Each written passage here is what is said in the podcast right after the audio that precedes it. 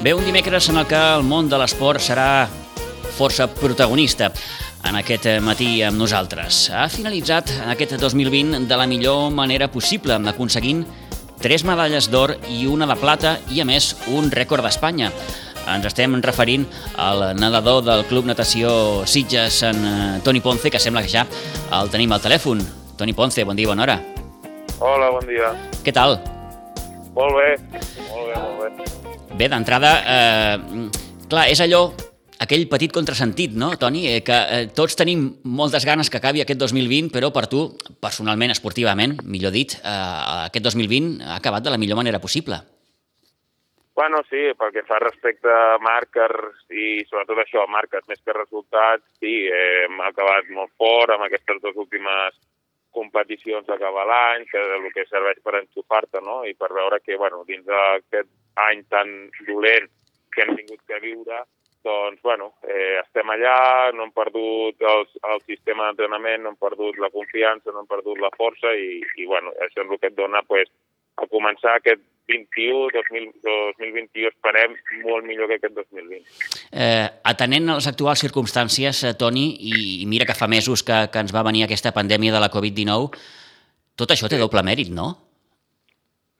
Bueno, eh, sí, té doble mèrit perquè jo crec que hem, que hem crescut com a persones, no? A nivell esportivament pers i personalment jo he crescut més perquè he sabut afrontar un any atípic totalment, no? I, i tornar-te a revifar després d'aquest període on van tindre aquest, aquest tipus de, de, de confinament, on no van poder acabar la temporada com volíem, que amb aquests Jocs Paralímpics del 2020, pues, bueno, revifar-te i fer-te més fort mentalment, pues, això t'ajuda no? a, a créixer com a persona. I, bueno, dins del dolent també de aquestes coses bones. -huh.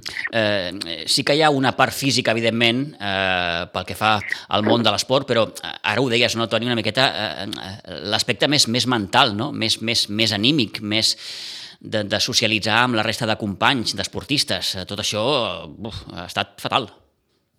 Sí, sí, ja et dic, aquest any ha sigut l'any de la psicologia, que diem nosaltres, no? de, de saber afrontar molt bé psicològicament el que ha passat, no? Eh, primer de tot, viure moments de tot, de ràbia, de frustració, de dir per què passa justament aquest any, que és l'any paralímpic, que estem treballant quatre anys per aquest any i no surten les coses.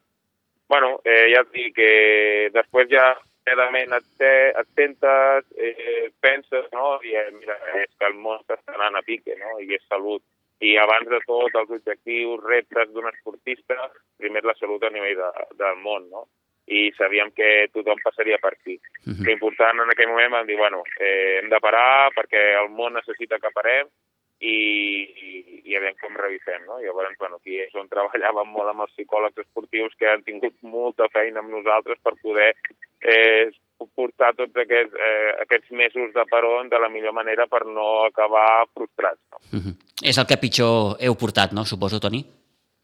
Sí, bueno, hem portat, aviam, hem hagut eh, coses molt difícils, no? Sobretot primer mentalment, els primers mesos, que és, és molt recent i de cop et vas trobant coses noves que no t'esperaves, no? Després sí que ha sigut dur el no poder tenir l'aigua, no? el no poder entrenar en instal·lacions esportives on tenim la piscina, que és la nostra oficina, i no podem treballar allà.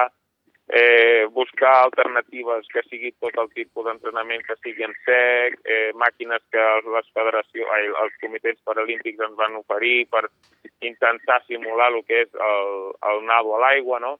Eh, hem viscut de tot. També hem viscut eh, doncs, bueno, clubs, entitats esportives que, que costarà revifar, no? I, I parlo personalment del meu club, dels Sitges, perquè hem viscut situacions molt complicades i bueno, esperem que entre tots tornem a revifar i tornem a, a lo que era abans, tot aquest món esportiu, i ja està. Mm. Costarà, eh, això? Sí, es costarà perquè fil cap eh, també costa, i, però jo crec que, que la solució, a part de que eh, hem d'anar tots a una, no? ajudar-nos entre tots, entitats, ajuntaments, el que faci falta, sobretot en això, aquests clubs esportius que estan tan fotuts, pues, també escoltar, eh, ajudar-los, i el sol fet de nosaltres, no? Eh, la societat ens hem d'unir a una fer les coses ben fetes perquè això, si no ho combatim nosaltres, això acabarà amb nosaltres i no podrem tirar endavant. Uh -huh. Eh, això ens ha agafat a tots, eh, vaja, no diré que desprevinguts, però gairebé. En qualsevol cas, eh, la situació és la que és. Eh, hi, ha, hi ha, Toni, també, aquest, esportivament parlant, eh, ara em refereixo a aquest punt de frustració per no haver pogut disputar els Jocs eh, durant aquest 2020? Sí, ja et dic, ha sigut un any que tothom esperava i, clar, nosaltres estàvem molt preparats, havíem planificat superbé el que és els quatre anys, estàvem molt forts, van començar a competir un, una única competició i va anar molt bé.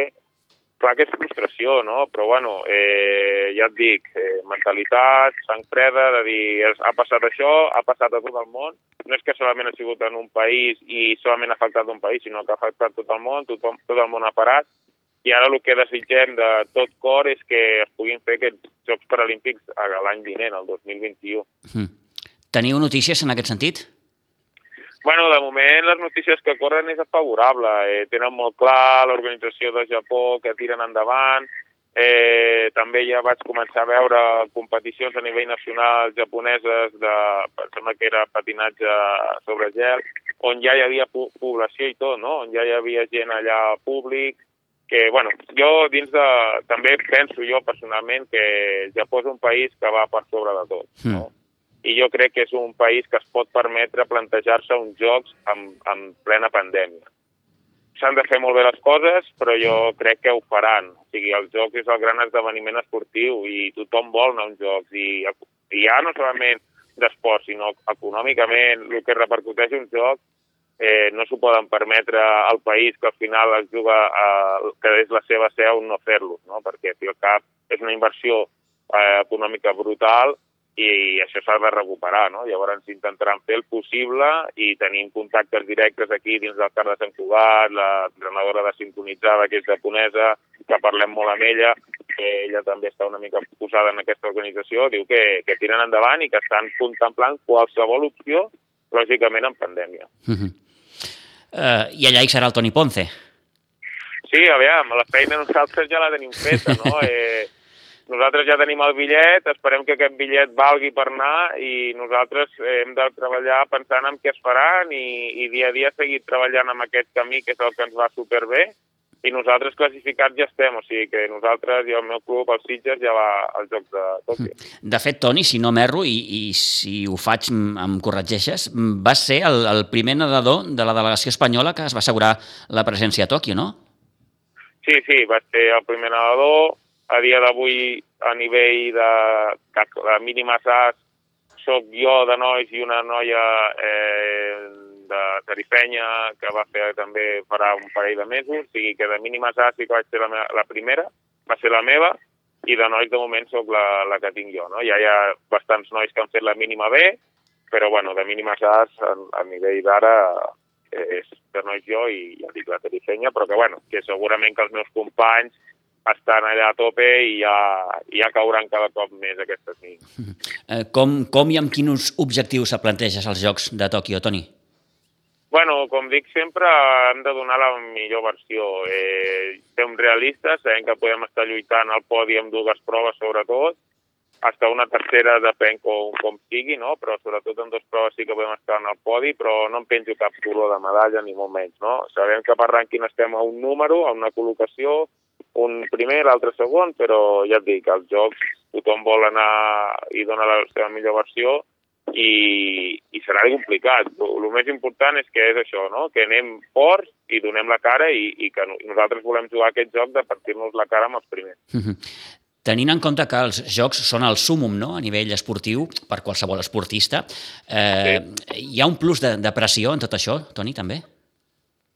O, o no? Bueno, és de, també és la pressió que tu tinguis, no? O mm. sigui, jo, per exemple, vinc de...